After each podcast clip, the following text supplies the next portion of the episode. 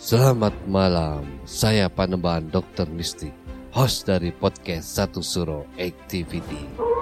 Sekarang Satu Suro Activity bekerja sama dengan Anchor. Aplikasi ini sangat membantu saya untuk membuat dan publish show saya ini. Perlu kalian ketahui, ternyata membuat podcast itu sangat gampang sekali dan 100% gratis. Anchor tidak hanya mempermudah untuk membuat podcast.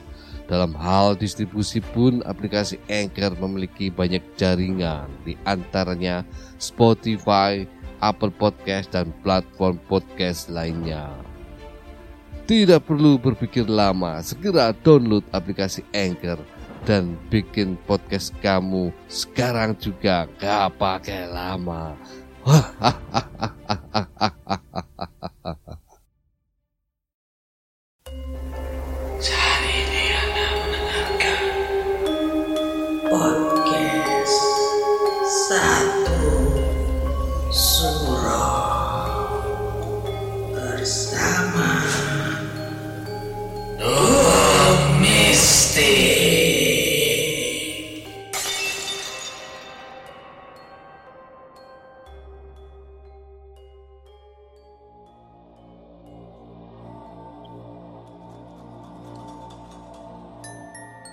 Assalamualaikum warahmatullahi wabarakatuh. Salam, salam, salam.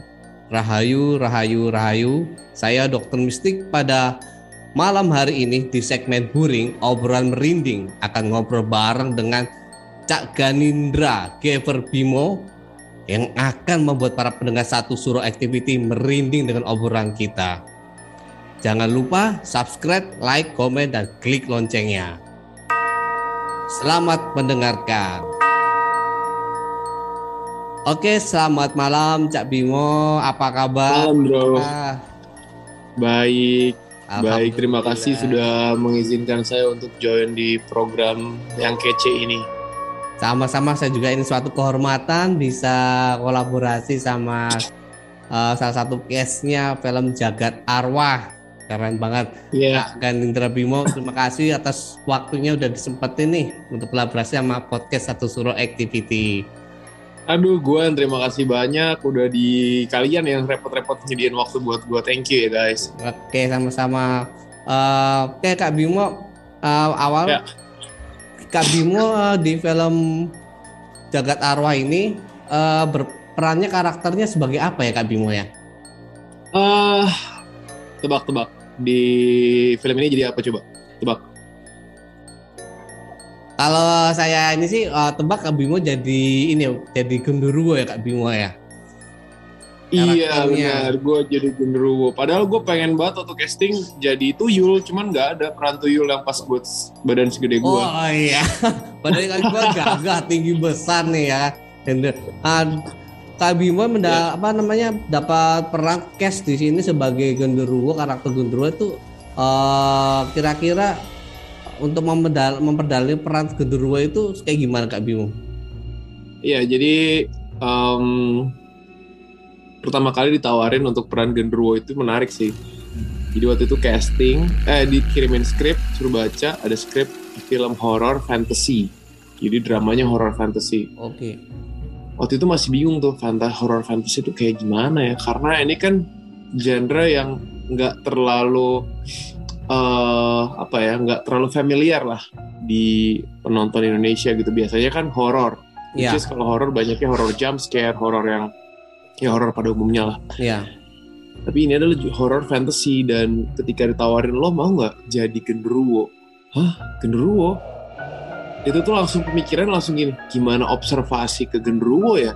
Nah, Gimana bisa tahu kalau genderuwo itu punya perasaan? Gimana gimana bisa mengobservasi gesturnya genderuwo? Gimana caranya bisa melihat genderuwo berinteraksi dengan manusia gitu kan kayak wah gila banyak banget nih PR-nya. Tapi ya itu ketika menjadi seorang seniman gitu kan semakin besar tantangannya, semakin unik perannya, semakin terchallenge kan dirinya jadi kayak ya udah akhirnya diambil gitu perannya. Dan saya percaya banget setiap karakter itu memilih pemerannya.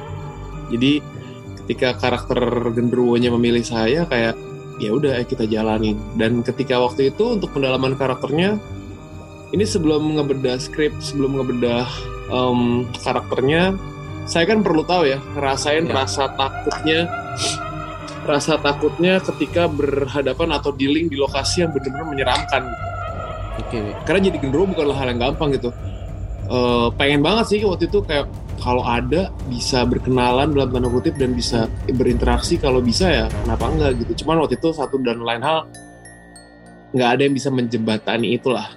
Oh, jadi pengen langsung berinteraksi sama genderuwonya gitu. Tapi tapi at that time ya waktu itu sih ya pengen banget gitu. Pengen tahu em, layer emosinya segimana ya? Dia bisa marah nggak ya? Dia bisa ketawa nggak ya? Dia bisa jahil tuh karena apa ya? Waktu itu sih kayak gitu ya. Cuman karena tidak ada yang menjembatani itu jadi long story short eh gue sama asisten gue gitu waktu itu sama asisten gue ada Ijal kami jalan berdua ke studio alam untuk dapetin experience kayak ya siapa tahu nemu gitu yang Hmm. yang yang energinya seperti itu Hmm. karena kan waktu itu saya sempat bicara sama salah satu seorang sama salah seorang teman yang indigo dia bilang kalau emang lu nyari biasanya dan lu tulus eh, bukan untuk divideoin bukan untuk didokumentasikan biasanya lu akan ketemu. Oh ya udah emang waktu itu nggak berniat untuk mendokumentasikan sih. Akhirnya saya jalan aja di studio alam gitu eh, dari dari malam sampai subuh ya kurang lebih 5 sampai 6 jam lah. Jalan muter-muter gitu ngeliatin hutan apa. Tapi satu pun nggak ada nggak nemu gitu. Cuman saya dapetin experience seremnya merindingnya gitu kayak oh gini rasanya takutnya oh gini rasanya experiencing di di hutan belantara yang katanya nggak boleh nyenter malam-malam katanya nggak boleh ini nggak boleh itu. Jadi experience itu sih yang saya dapetin. Cuman untuk berinteraksi sama genderuwonya waktu itu nggak dapet sih.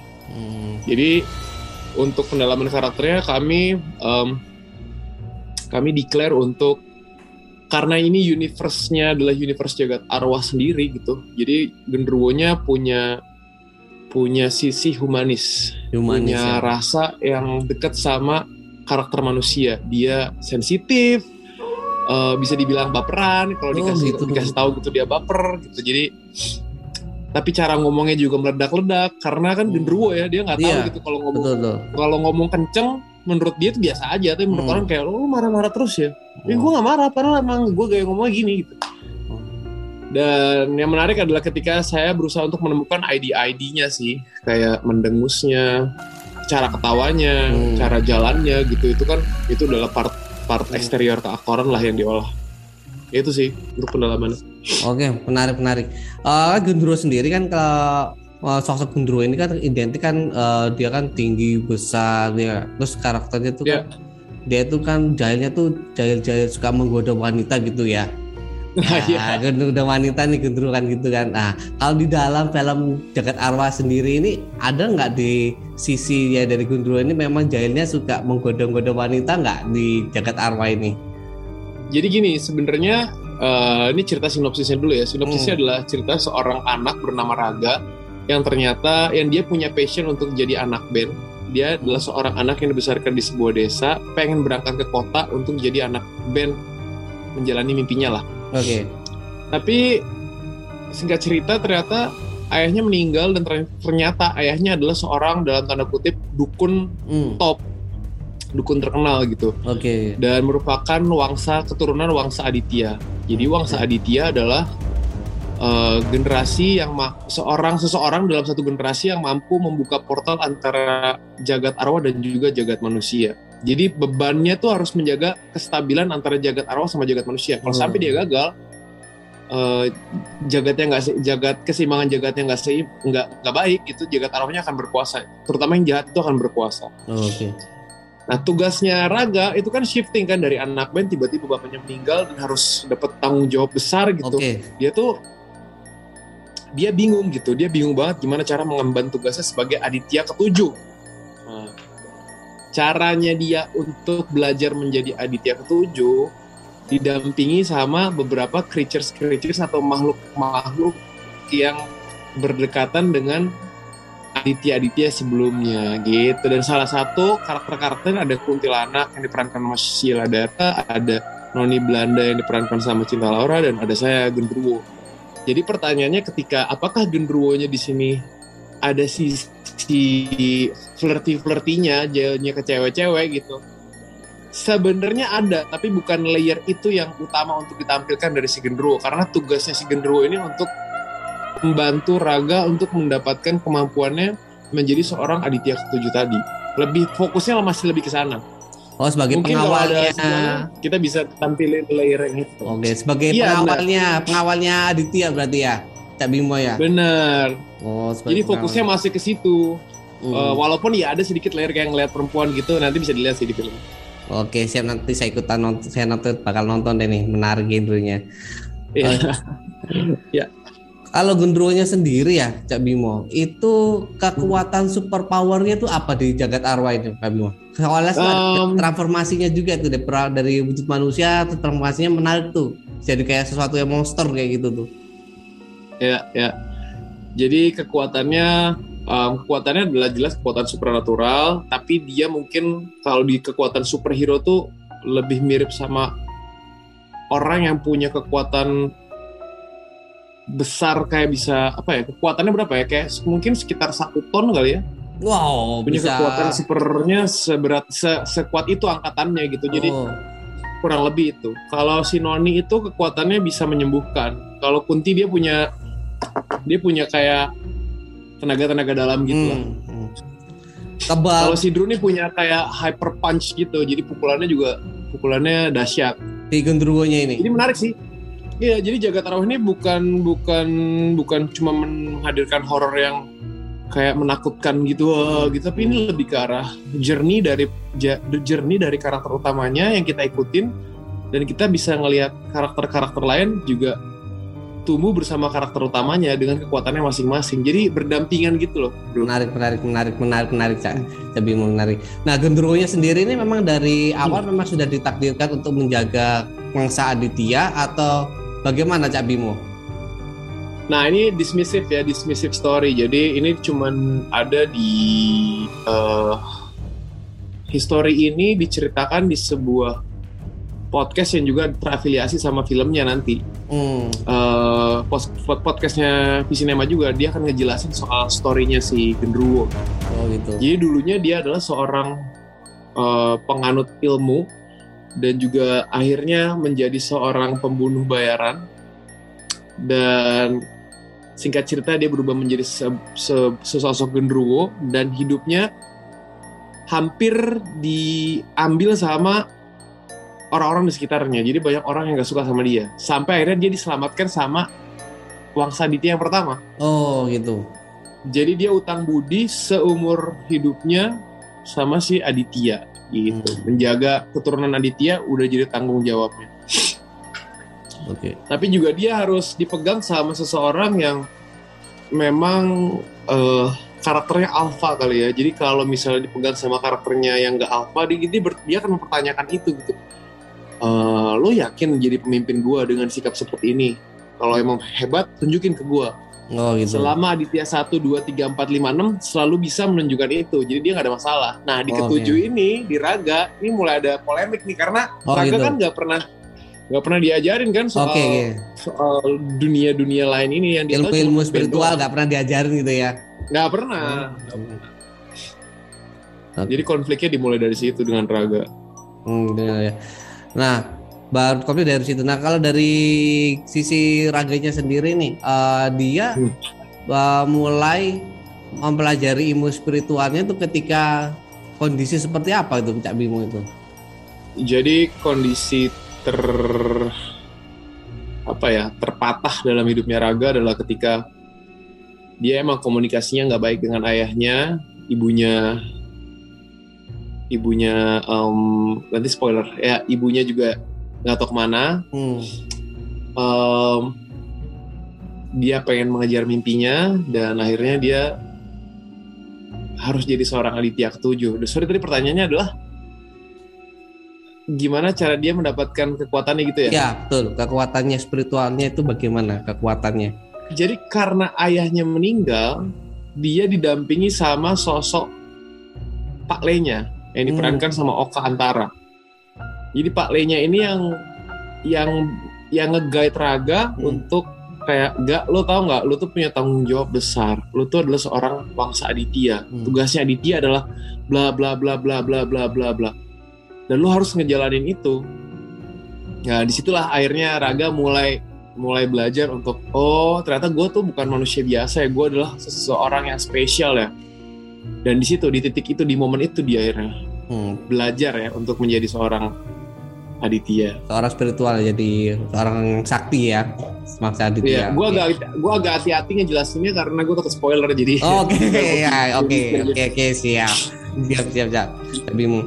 Kalau dari Cabimu sendiri, film Jagat Arwah itu seperti apa Cabimu dari sudut pandangnya Cabimu sendiri film Jagat Arwah itu? Oke.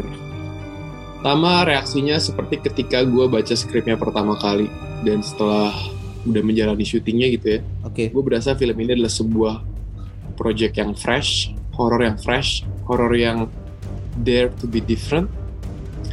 Um, dan kudos buat Visinema yang kudos uh, ya apa ya kayak penghargaan tertinggi buat Visinema yang berani mengambil keputusan untuk membuat project-project yang inovatif karena di era sekarang ketika kita pengen mencoba sesuatu yang baru kalau nggak ada pioneernya nggak ada lokomotifnya semuanya akan berkutat sama hal yang sama kan Oke, betul betul. dan gue ngerasa kayak Visinema tuh lewat Angga, lewat Anggia, lewat Ruben, lewat eh, Encim, lewat semuanya orang terlibat di balik produksi ini, mereka berani gitu mengambil keputusan, yuk kita bikin horor yang sifatnya dalam tanda kutip baru. Makanya yang gue rasain adalah fresh, eh, inovatif, dan fun. It's a, it's a fun journey bro. Oh. Jadi kalau nonton filmnya kayak fun gitu kayak, wih gitu kita ngikutin perjalanannya si karakternya untuk berkembang ya. Hmm. Menyenangkan ada berarti ya? horor. Wah. Ya. Nah, pernah nggak ada kejadian mistis waktu Hmm. di lokasi syuting Cabimu? Lokasi syuting ya, Iya. ini menarik sih. Jujur gue tuh kan waktu kecil punya beberapa pengalaman-pengalaman bertemu dengan makhluk-makhluk eh, gaib gitu ya Iya. di Bandung dulu. Tapi itu dulu lah waktu kecil. Setiap orang kan waktu kecil juga pasti punya pengalaman kayak gitu kan karena Iya. masih sensitif. Tapi ketika tumbuh dewasa kayak sekarang gini, gue udah Hmm. lama nggak pernah lihat dan nggak pernah ngerasain. Sampai akhirnya pas gue syuting itu di hutan Wanagama, uh, tau nggak hutan Wanagama? Daerah mana itu? Cabimu? Itu salah satu hutan di Jogja yang sebelum syuting itu Hmm. emang orang udah bilang tuh angker angker angker angker. Ya karena kita emang syuting horor jadi lokasinya emang semua menyeramkan gitu kan Hmm. jadi kayak ya udahlah wajar. Sampai suatu waktu di hutan Wanagama ini kami syuting uh, scene ada salah satu scene lah. Itu syuting jam 11 malam, ah ya masih syuting sampai malam gitu. Dan kami ngedenger jam 11 sampai jam 2 tuh kami susah banget untuk syuting karena kayak ada orang setel musik hajatan, Bro. Oh, gamelan gitu, ada suara gamelan-gamelannya gending gitu, Cabimu. Nggak jelas sih Eh, nggak yang spesifik kayak nang ding nang ding gitu enggak sih tapi tapi orang hajatan kayak orang rame banget bro Padahal di tengah hutannya hutan. sepi banget ya, sepi banget pada itu bukan itu. kota men itu di tengah hutan, Oh, hutan jauh ya. di tengah hutan hutan dan yang ngedenger bukan gua doang semua orang ngedenger dan kita nggak bisa syuting Hmm. terus orang lokasi itu kan punya tanggung jawab untuk kalau ada suara atau ada Mm-mm. suara yang ganggu gitu biasanya disamperin Iya. sama orang lokasi untuk dikasih tau sorry ya ini ada Iya. syuting bla bla bla bla negosiasi lah Ah, ah. ini mereka nggak nemu men. Karena gue juga ngerasa ketika datang ke lokasi itu kita ngelewatin jalan tuh udah gelap jauh ke dalam gitu. Terus kok bisa ada yang hajatan tuh kayak di luar nalar ada ya. aneh aja. Gitu. Ya. Kalaupun iya hajatan masa ya jam 11 sampai jam setengah tiga jam 3 banget sih. Gitu. Iya betul betul betul. Gak mungkin juga Aneh, ya. aneh, aneh. Ah. Nah, sampai sorry. kita kan kita kan Hmm. kita take kan kita take Iya. take take sampai sampai ke record gitu kayak ini yakin nih kita mau take soalnya berisik banget iya berisik banget sampai akhirnya kita mikir gitu eh guys ini yakin nih manusia nih kalau emang seberisik ini dan di mana gitu tempatnya aneh banget gitu iya akhirnya kita berhenti dulu gitu kayak sambil sama sama mikir bener juga nih gitu. emang ini manusia ya soalnya aneh aja aneh Iya. iya. Eh, apa di timnya uh, Visinema nggak ada yang isian non saya nggak ada yang eh, ngerti tentang paranormalnya atau spiritualnya di situ untuk membentengi atau Eh, kami ada sih waktu itu ada pendampingnya dan ya pendampingnya senyum-senyum aja mungkin dia sudah mengerti tapi kayak nggak mau nggak mau bikin situasi jadi panik kali ya Oh, karena gitu kan ya. itu tim kan itu kan rame-rame gitu. Cuman Mm. kalau kita ngelihat ujung-ujungnya kita pada berhenti dan sama-sama seksama gitu nggak dengerin, Hmm. Iya ini emang ini energi lain sih kayaknya gitu sih kayak another, this is another level of discussion nih gitu kayak kayaknya nggak bisa bukan bukan harus dikasih duit seratus ribu dua ribu nih kayaknya dikasih sesajen di sini. Dan itu dilakukan nggak? Dikasih sesajen seperti apa itu dilakukan nggak? Dilakasih? Eh, jujur karena syuting dua tahun lalu gue lupa tapi akhirnya suara itu hilang dan kita lanjut syuting. Nah gue nggak tahu tuh mungkin itu tim tim Visinema sama Hmm. sama orang yang bertanggung jawab untuk untuk Ah. itu kali ya Hmm. dan suaranya hilang. Suaranya hilang. Suaranya hilang kita lanjut lagi. Lanjut Iya. lagi. Oke. Oke. Tapi kalau pertanyaannya tadi apakah gue merasakan itu bukan gue doang bahkan Hmm. satu krunya juga ngedenger hal yang sama kayak shit ini jam 2 masih gitu lanjut kalau jam 11 gitu kan masih kayak ya jam 11 wajar lah tapi lama-lama kok hajatan sampai subuh gini sih agak aneh Hmm. ya menarik sih bro Seru Terus ya. ada lagi kejadian di Kali Angkrik. Kalian kan ke mana itu? Di hutan juga. Kali Angkrik, Kali Angkrik itu kan Nepal Van Java kan. Jadi itu salah Hmm. satu desa terbaik yang pernah gue temuin di sepanjang umur hidup gue. Gue juga baru tahu gitu ternyata Kali Angkrik sebagus itu. Kita syuting jauh di atas. Jadi Kali Angkrik tuh lokasinya kayak gini men. Kayak sebuah desa tapi di di di, di bukit gitulah. Hmm. Jadi kalau dilihat pakai drone tuh semua eh, rumah-rumahnya tuh bersaling saling tumpuk gitu loh. Bagus Hmm. banget deh. Dan kita bisa ngeliat awan kalau pagi-pagi. Pagi ke siang itu menarik. Tapi begitu sore ke malam karena mung- mungkin ya mungkin gue juga nggak tahu ini ini koreksi gue kalau gue salah mungkin karena ada kepercayaan kepercayaan daerah tertentu yang yang erat sama kultural setempat gitu mereka berdoa pakai toa tapi bukan azan ya beda Iya. sama azan gitu Iya. setiap berapa jam tuh kayak ada kayak ada lantunan doa yang unik aja buat gua gitu. Jadi vibes-nya vibes-nya bukan kayak di Indonesia gitu. Vibes-nya kayak di satu tempat aja di satu tempat yang beda aja gitu. Kayak oh iya menarik banget nih secara spiritual energy tuh beda gitu level dimensinya. Sampai suatu hari kita syuting nih syutingnya malam-malam em, di lokasi syuting itu Ari tapi yang ngalamin. Tapi gue udah ngerasa lokasi itu kayak ah, ini berat banget lokasi ini ya gitu kayak berat berat berat kayak kayak press pressure tuh beda gitu. ini yang ngalamin Ari Hmm. syutingnya di dalam rumah dia dia sendiri di sana karena harus clear set cuma ada satu kamera gitu. Hmm. dia ditaruh di dalam kamar kamarnya tuh nggak ada pintunya cuman ada tirai jadi kalau tirai gitu kan kam- rumah rumah rumah perkampungan gitu nggak pakai pintu kan dia cuma tirai. Nah Ah. tirainya nggak sampai bawah kan kayak ada jeda 5 atau 10 cm gitu kan. Hmm. tiba-tiba si Ari cerita ke kru ah tadi ada kaki lewat-lewat itu siapa ya? Gitu. Dan padahal semua kita nggak ada di sana. Jadi dia emang cuma sendiri dan dia ngeliat kaki bolak-balik bolak-balik kakinya katanya kayak ya putih menyeramkan gitu dan sampai akhirnya dia hilang ke ke sisi tembok. Hmm. Uh, serem itu kan? kayak serem bro. Itu serem. Jadi kita juga eh nih gue di sana kayak kita nggak ada nggak ada siapa-siapa. Karena itu clear area. Lah itu tadi kaki siapa? Dan dia sampai ke shock itu juga kayak oh. Oke. jadi tadi gue lihat bukan bukan kaki manusia gitu. Kayak, Oke oke oke. seru seru seru. Serem wih serem gitu. iya serem. Kalau itu serem. Dia dia yang ngalamin ya. Kalau gue ngerasa berat-berat lah. Dan di samping gue waktu itu badan gue berat terus dipijat kayak ya Hmm. udah entengan. Terus yang di samping gue ada acting coach gue namanya Ajibong dia dipijetin sama Pak Zaini namanya. Pak Zaini tuh emang punya kemampuan kayak indigo gitu lah. Hmm. dipijetin terus eh, dia bilang berat banget ya Mas Aji ya? Iya. Soalnya ada perempuan di samping kamu itu gue langsung keluar gue langsung lari Seru seru seru seru. Seru. Iya, oke. berat sampai sakit kepala terus gitu. Ternyata katanya ada yang ikutin dan emang dia pakai metodenya si Pak Zaini Oke, pakai gelas yang dibekam gitu lah diputer-puter Oke, oke. dan akhirnya dia sembuh langsung sembuh total after it. lucu banget sih Oke oke. ya, lucu tapi menyeramkan ya Oke, serem banget. Oke, oke. Oke, Cabi Bung. Nih, eh, saya ada game jawab cepat nih ya. Oke. Langsung aja. Oke. Cabi Bung, satu kata untuk karakter genderuwo. unik Unik. Oke. Kedua, scene mana yang paling menegangkan atau yang menyeramkan? wah di di rumahnya genderuwo Di rumah genderuwo. Oke. Ketiga di sarangnya genderuwo. di sarangnya genderuwo ya. Di hutan itu ya, Cabimo. Oke. Itu juga Ya. gue belum cerita itu tuh ada satu hot- satu pohon beringin gede banget di Jogja gitu yang sebelum syuting itu ritualnya banyak banget bro. Dan Wow. itu rumah gue kayak itu serem banget. Itu bener-bener gue datang mandi pakai air garam gitu-gitu. ngeri ngeri ngeri ngeri. ngeri kalau itu ngeri bener itu ngeri. asli ngeri itu. Tapi ada kayak Tapi gitu. kita semua juga. gak ada yang diganggu di situ ya. Kita Oke. semua gak ada yang diganggu, cuman ya itu tempatnya seserem itu. Oh, oke, ngeri ngeri. Oke. Ketiga, karakter apa yang paling favorit nih di Jagat Arwah menurut versinya Cak Bimo? Um, of course genderuwo. Gendruwo ya, lain pada yang lain ya. Oke. Satu kata untuk film Jagat Arwah. Hmm, hold on.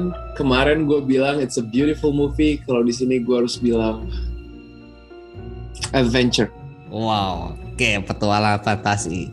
petualangan fantasi ya. Oke. Horor berpetualangan, horor Oke, fantasi. masuk. Cakep, cakep. Set yang kelima, terakhir nih, setan apa yang paling menggemaskan menurut Cak Bimo? Menurut gue, Iya, setan paling apa? Iya, paling menggemaskan itu setan apa? tuyul men. Iya. Kenapa? Kenapa menggemaskan? Lucu aja gitu kan dia. Kalau suka, gue sempat ngeliat, gue tuh suka nonton YouTube gitu kan sambil uh, untuk research research waktu itu ngeliat yang horor-horor penampakan penampakan tuh jarang loh ada penampakan genderuwo yang terlihat gitu tuh jarang. Hmm. Tapi kalau tuyul kan beberapa kali di Indonesia sempat ada yang ke capture kamera ya bener Hmm. atau enggak ya yang dia lari lah apa gitu bentuknya tuh kayak little alien gitu loh men dan Hmm. gue penggemar alien gitu kayak lucu banget kita nggak pernah tahu ternyata kita nggak Iya. pernah tahu kalau gimana sebenarnya tuyul itu adalah entitas dari alien gitu bisa jadi, bisa jadi, bisa jadi. Karena kan? kecil-kecil kan ya, bentuknya juga Kecil, matanya gede gitu kan. Iya, kayak alien gitu ya. kalau di luar negeri itu udah masuk area 51 gitu kayak "Oh, alien kalau di sini jadi tuyul men Oke, oke, lucu gokil, gokil, oke, lucu. dan kenapa Oke. menggemaskan karena dia suka duit bro sama kayak kita men dia Iya, suka banget, suka banget, men. suka banget lah. iya makanya Itu lah persahabatan kita sama tuyul ya, duit ya. iya tos banget lah gue kalau sama tuyul Oke, oke, oke, oke.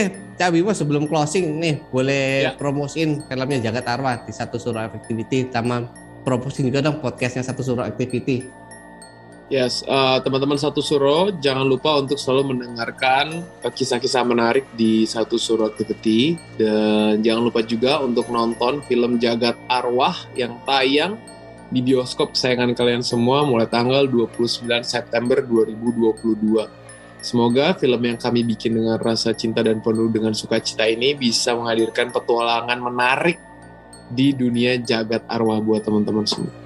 Oke, terima kasih Cak Bimo Oke. atas waktunya, udah nyiapin waktunya nih buat Sama-sama. kolaborasi sama podcast Satu Suruh Activity. Semoga Mhm. filmnya sukses, banyak ditonton Amin, amin, amin, amin. dan Oh, masih bisa ya? bikin sequelnya, bikin sequelnya kelanjutannya tentang kelanjutan Jagat Arwah. Pastinya nih Amin nanti kalau gue kalau nanti dibikin sequelnya Genderuwo, eh, mungkin Mas tertarik jadi partnernya Genderuwo, kita jadi double Genderuwo gitu, double boleh, boleh, boleh, boleh, boleh. Asik, aku tunggu kak, aku bingung. Kak Bimo, aku tunggu, aku tunggu, aku tunggu. Keren banget lah. Oke, Seru ya. oke seru lah, seru, seru, seru, seru. ya, ya. Oke, Jangan lupa nanti ditonton ya filmnya ya. Thank you so Oke, much ya teman-teman. oke. Terima kasih waktunya Cak Bimo dan tim Ya. Visinema. Semoga sukses untuk filmnya dan Amin. banyak yang menonton. Oke, Amin. Eh, terima kasih para pendengar satu Suro Activity dan tim sin- eh, Fish Cinema dan Cak Bimo sudah hadir di podcast satu Suro Activity. Eh, jangan lupa nonton filmnya Jagat Arwah akan mulai tayang di bioskop-bioskop di seluruh Indonesia tanggal catat nih tanggalnya 29 September 2022. Oke, ajak semua keluarga, pacar, nenek atau siapa pun, teman-teman, ajak rame-rame nonton filmnya Jagat Arwah. Ini film genre fantasi Avenger, top banget ini dari dengar cerita ini Yes. gendruwonya aja kayak gini gendruwonya cakepnya kayak gini coba. Ini mungkin ya salah satu waktu salah satu waktu di lokasi syuting gue nggak pernah digangguin mungkin pada genderuwo genderuwo itu kayak eh, minder minder ya minder Iya, gendruwonya senang terwakili gitu kayaknya oke lah Oke lah, iya. malah dijagain bro Iya. jangan diganggu jangan diganggu Oke. Oke, oke, oke. Oke, thank oke. you ya Terima kasih sampai ketemu lagi. Sukses untuk filmnya Jagat Arwah. Cabimo. ya Oke, selamat malam. selamat malam bye bye Bye. Para pendengar satu suro activity, tetaplah iling lan waspodo. Assalamualaikum warahmatullahi wabarakatuh. Salam, salam, salam. Rahayu, Rahayu, Rahayu.